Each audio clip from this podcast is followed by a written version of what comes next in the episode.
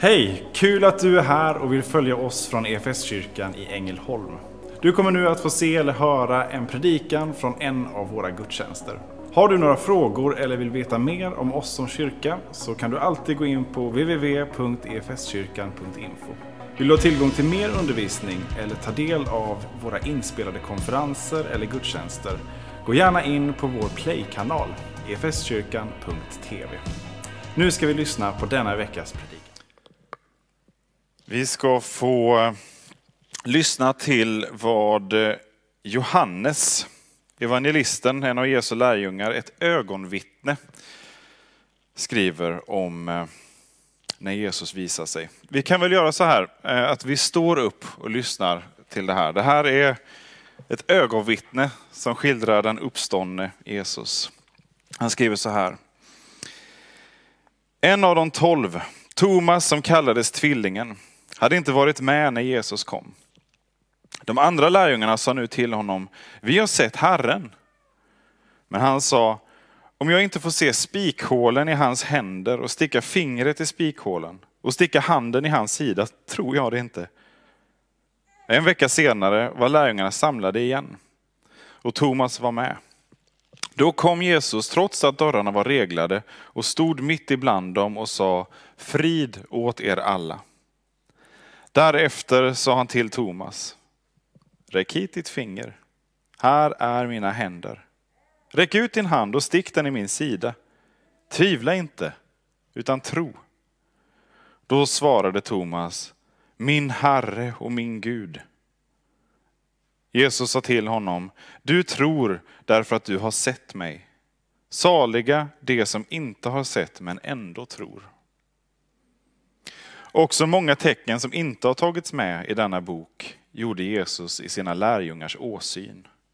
Men dessa har upptecknats för att ni ska tro att Jesus är Messias, Guds son, och för att ni genom att tro ska ha liv i hans namn. Så lyder det heliga evangeliet. Lovad vare du Kristus. Varsågoda, sitt. Eller stå om ni föredrar det. Det ska inte jag hindra er. Jesus har besökt lärjungarna. De har fått på uppståndelsens dag, söndagen, fått höra av kvinnorna som kom först till graven att Jesus har uppstått. De måste springa och se för egen del. Så springer ett par stycken iväg, Petrus och Johannes. Och sen så berättar de för de andra sen på kvällen när de samlade och Jesus kommer och besöker dem. Av någon anledning så är Thomas, tvillingen, inte med. Jesus har visat sina sår för lärjungarna. De berättar för Thomas, vi har sett den uppståndne Jesus. Med såren, kanske de lägger till. Thomas han kan inte tro. Han avfärdar det här omedelbart. Historiskt så har Thomas fått kallas för Thomas tvivlaren. Visst är det så vi känner honom snarare än Thomas tvillingen. Jag vet inte om du kan känna igen dig i det någon gång. Att du har sagt någonting vid ett tillfälle, något ogenomtänkt, och sen så får du höra det i 2000 år.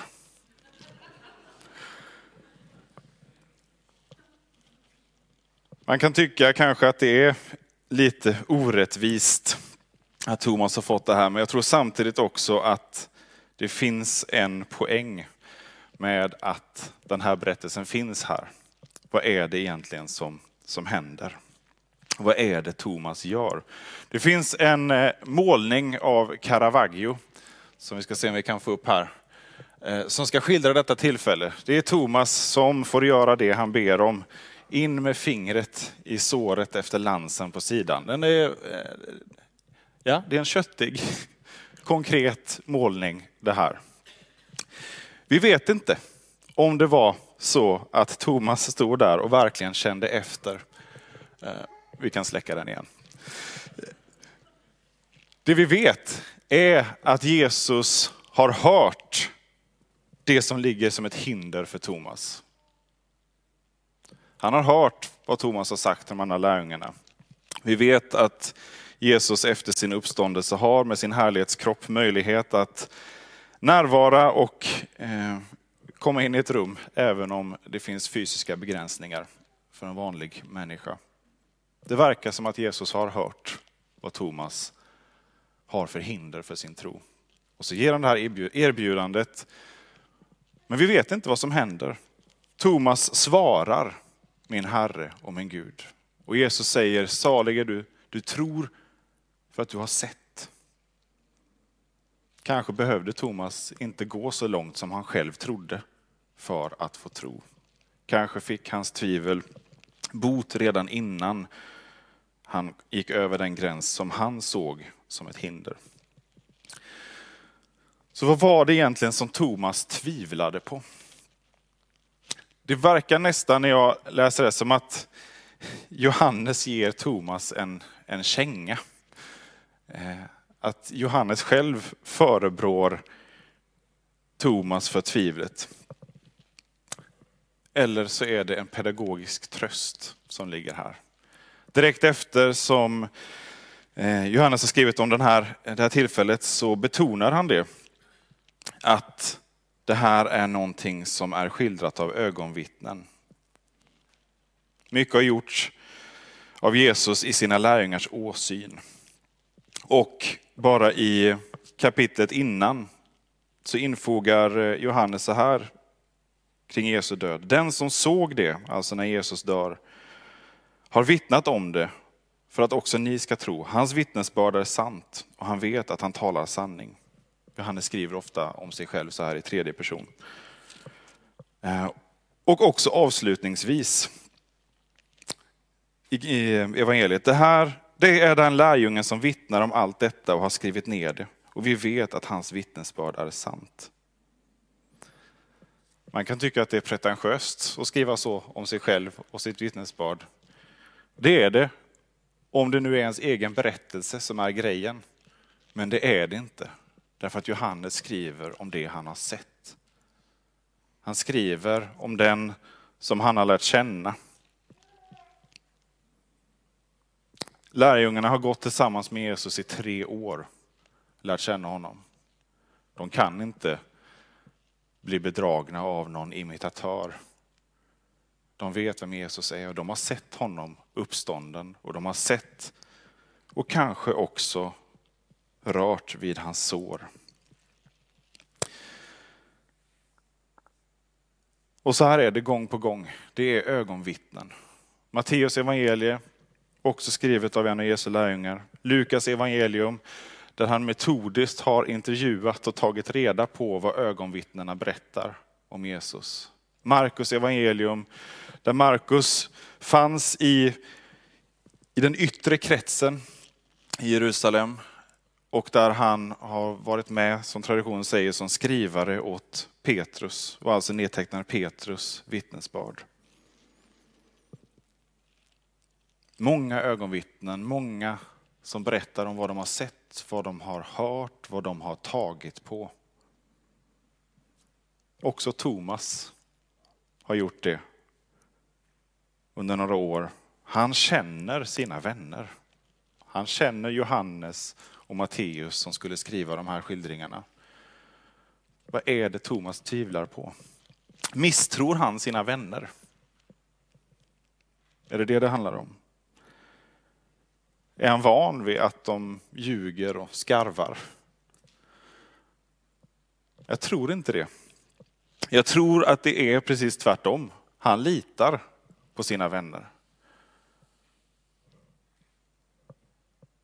Det kan inte undgå honom att de är tagna av det här mötet med Jesus. Vi har sett Herren.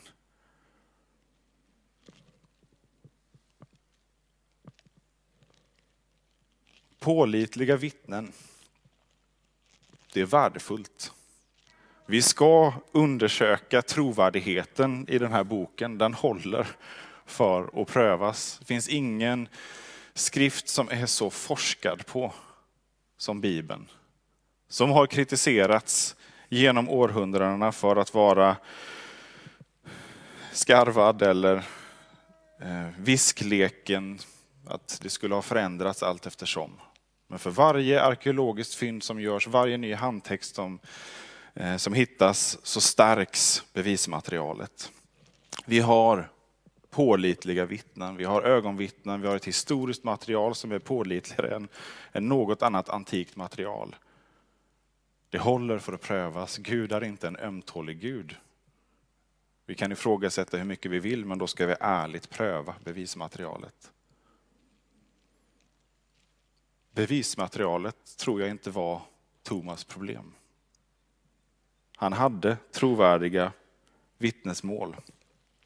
Problemet är att pålitliga vittnen och bevis inte eliminerar otron. Det eliminerar inte tvivlet. Därför att ytterst sett så handlar det om var vårt hjärta är i förhållande till Herren själv, hjärtats övertygelse.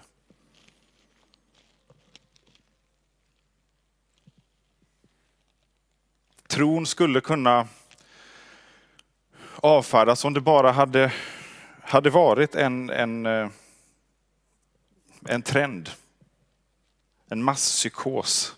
Så skulle man kunna avfärda det med att det är galningar och dårar som är budbärare av det här. Sådana rörelser har uppstått men också gått under genom åren. Kristen tro är ingen global masspsykos under århundraden. Det är inte möjligt.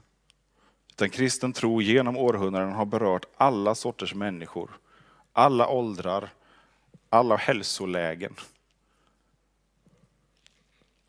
Men trots pålitliga vittnen så får vårt sinne problem. För ytterst sett så har vi problem med tillit till Gud. Tron på Gud. Kan det här verkligen stämma? Hur goda argument jag än får presenterade för mig, hur övertygande materialet än det är som ett historiskt material, kan det verkligen ändå stämma? För stämmer det så har det ju oerhörda konsekvenser för vår värld. Det får konsekvenser för hur jag lever mitt liv. Om jag är skapad av Gud för goda syften.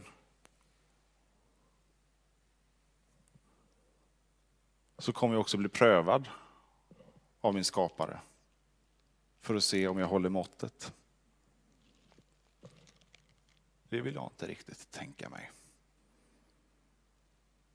Är jag skapad, då kan jag inte definiera själv vad som är min verklighet, vad som är mina förutsättningar, vad, vad jag tycker är rätt och fel. Då finns det någonting utanför mig som sätter förutsättningarna. Och det får mitt hjärta problem med. Det här livet och livet som troende är en kamp i den här brottningen. Det är lätt att tänka, tror jag, att ja, men på den tiden var det lätt. I antiken, ja, men då, då trodde man väl alla möjliga saker. Uppståndelse och att Jesus skulle uppstått sådär, det, det var väl egentligen ingen femma. Att folk trodde på det på den tiden. Då är det intressant att se vad som händer när lärjungarna sen reser ut på missionsfältet. När Paulus eh, är i Grekland och eh, undervisar, ja, då är de som är lite filosofiskt intresserade, de tycker att det här är spännande. Vi vill gärna höra mer om vad du har att säga om det här. Och så berättar Paulus eh, och, och tar sin utgångspunkt i deras altare åt en okänd Gud. Ni känner inte Gud, men detta är den Gud som har skapat världen. Detta är vad som har hänt. Och så kommer han fram till Jesus som har levt och som har dött och som har uppstått. Där blir Paulus avbruten och utskrattad. Uppståndelsen. Vilket skämt. Hånad och förlöjligad. Fram tills det så var det, kunde det ändå vara intressant. va? Men där, nej, där tappade Paulus många av dem. Men han väckte också nyfikenhet. Uppståndelsen blir en vattendelare. Det provocerar, men det väcker också nyfikenhet. Det rör vid det som många av oss kan känna på oss. En gnagande existentiell oro. Det här livet, det ändliga livet, är det verkligen allt? Är döden punkt och slutstation? Eller är vi skapade för någonting annat, för någonting mer? Och för att uppståndelsen är den, det spiken som, som det här hänger på, då är det inte konstigt att det är kring det som också kampen sker. Är det verkligen möjligt? Också våra främsta troshjältar genom historien, vågar jag lova, gång på gång vid olika tillfällen hamnar i en kamp och ett tvivel kring det här. Men har, har det verkligen, verkligen hänt? Och så har vi mängder med röster runt omkring det här. Kanske har vi Thomas någonstans där. Han vill tro. Han vet kanske att han borde tro därför att han har pålitliga vittnen. Men han vet inte om han kan tro. Till det är han också i chock. Traumatisk sorg. Han har fått se sin mästare blir gripen, misshandlad och avrättad. Hoppet om Messias som skulle driva ut ockupationsmakten och ondskan och upprätta Israels storhet igen. Den drömmen är minst sagt naggad i kanten. Tilliten till vem Gud är måste vara rubbad. Jag tror att vi kommer, vi kommer aldrig ifrån det. Den som säger att kristen tro är det som löser allt, talar sanning. För det är så, kristen tro löser allt i meningen det yttersta och det djupaste problemet i våra liv, nämligen synden som skymmer Gud för oss och som skapar så mycket ondska i oss själva och i den här världen. Men den som med uttalandet menar kristen tro löser allt och därmed undanröjer alla problem och alla tvivel, alla bekymmer. Kom kanske till tro igår och lever i sin nydöpta glädje. Men den personen är in for a treat. Livet i tron är också en kamp.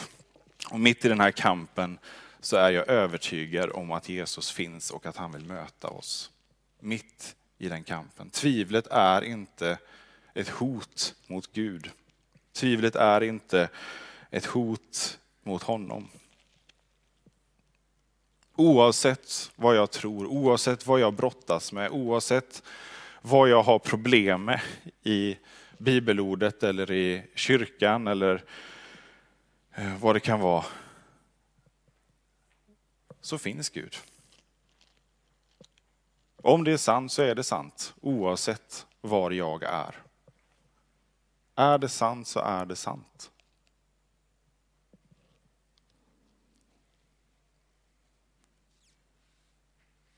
Jesus förebrår Thomas.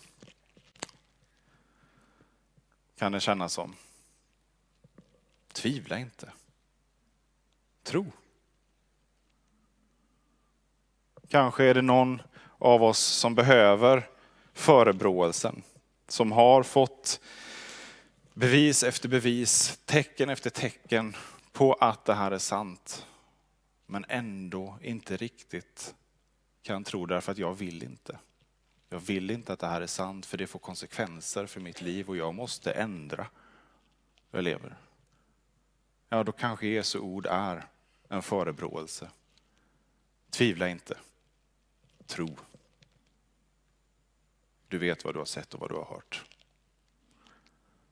Men samma ord rymmer också en tröst, tror jag. Där Jesus möter Thomas också i hans sorg. Det mörker som han har levt i sedan långfredagen. Och där det också får tala till den som är i kamp, som verkligen vill tro, men jag kan inte. Jag får inte ordning på det här eller det här. Där orden som är förebråelse för någon istället får bli trösten från Jesus som vill möta dig precis i det. Tvivla inte.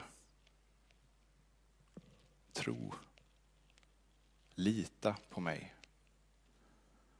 Och där vi kan få be om ett möte.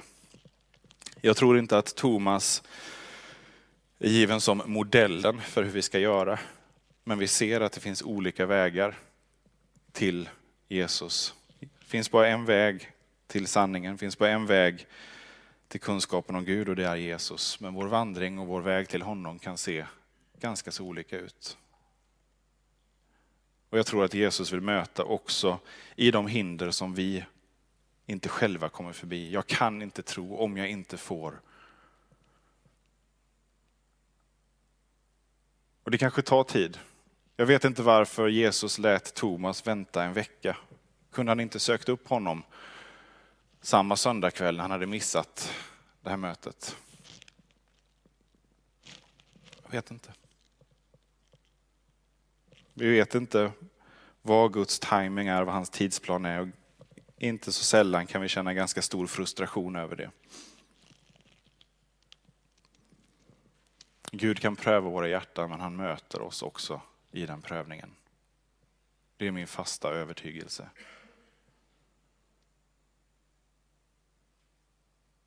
Och det mötet kan komma ganska oväntat. Och kanske är det så att när man kommer till den punkten så är mina krav, min tröskel för tro kanske inte samma läge längre. Därför att jag får syn på Gud själv. Och så landar någonting istället i hjärtat och tar ibland genvägen förbi våra hinder.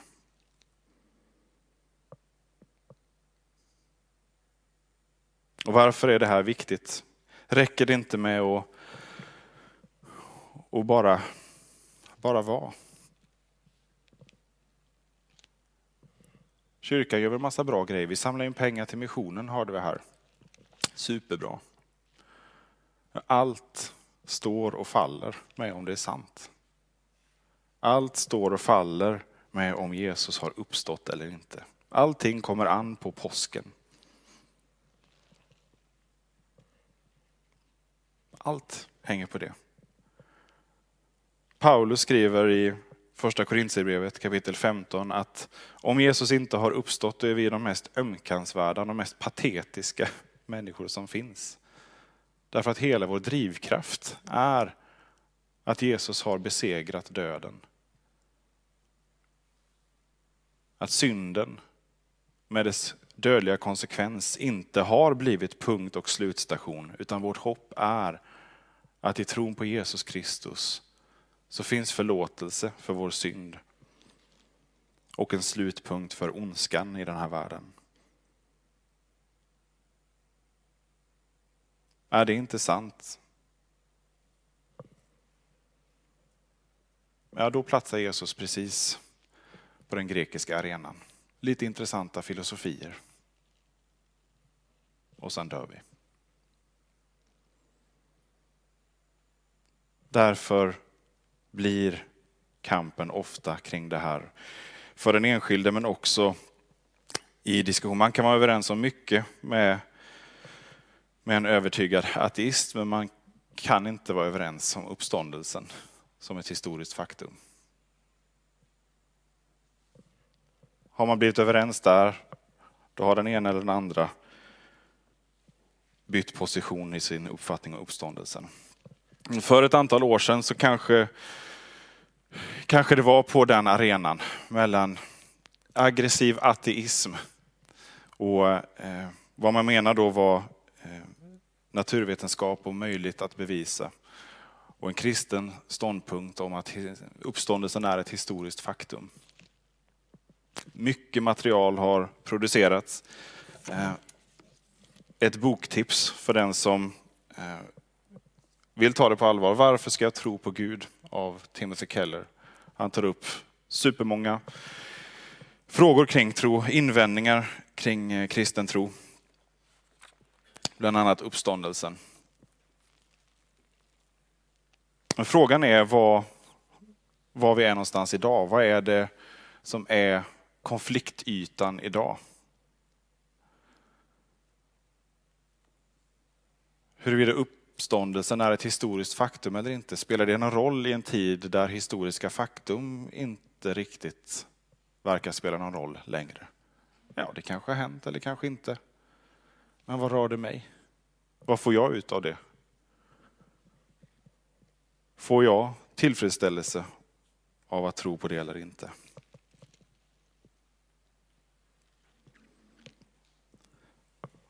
Där tror jag att vi kanske behöver kroka arm med kyrkans 1900-tals fiender. Ateister som fortfarande tror på att någonting kan vara sant och värt att pröva och bevisa. Inte för inte så är den förra ordföranden för Humanisterna, Christer Sturmark, god vän med Stefan Gustafsson på Apologia och gör gemensam sak i ganska mycket för att möta vår tids utmaningar. Vad spelar det för roll för mig? Om Jesus säger, om Jesus är den han säger att han är, ja då spelar det all roll för mig. Därför att då har det här livet konsekvenser. Och ytterst sett så är problemet inte bevisen och trovärdigheten. Det är så att säga farthinder på vägen. Men det största hindret, det hamnar slutligen här. Är det här någonting som jag vill tro på? Är det här någonting, när jag förstår och prövar vad det är, någonting som jag vill underordna mig?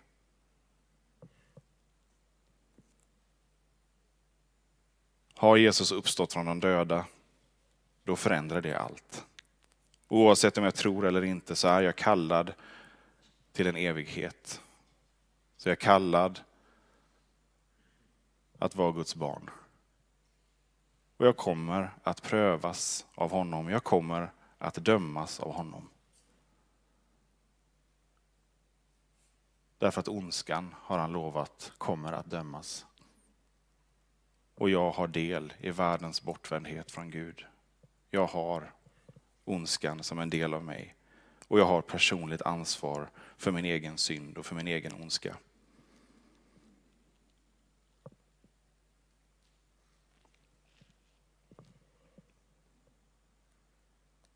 Har inte Jesus uppstått, då är det, då är det hopplöst. Då hjälper det inte att Gud har skapat världen med ett gott syfte. Därför att det finns ingen lösning på ondskan. Men har Jesus uppstått, då är det de bästa nyheter som finns, därför att då finns hopp. Då finns hopp utöver död, hopp utöver ondska.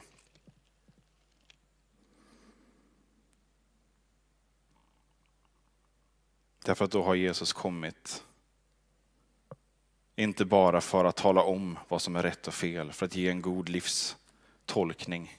Utan då har han kommit för att undanröja det som hindrar oss från att se Gud, det som hindrar oss från ett evigt liv och det som hindrar oss från att kämpa med vår egen ovilja och vår egen otro, synden. Då har Jesus kommit för att den som tror på honom inte ska gå under, utan ha evigt liv.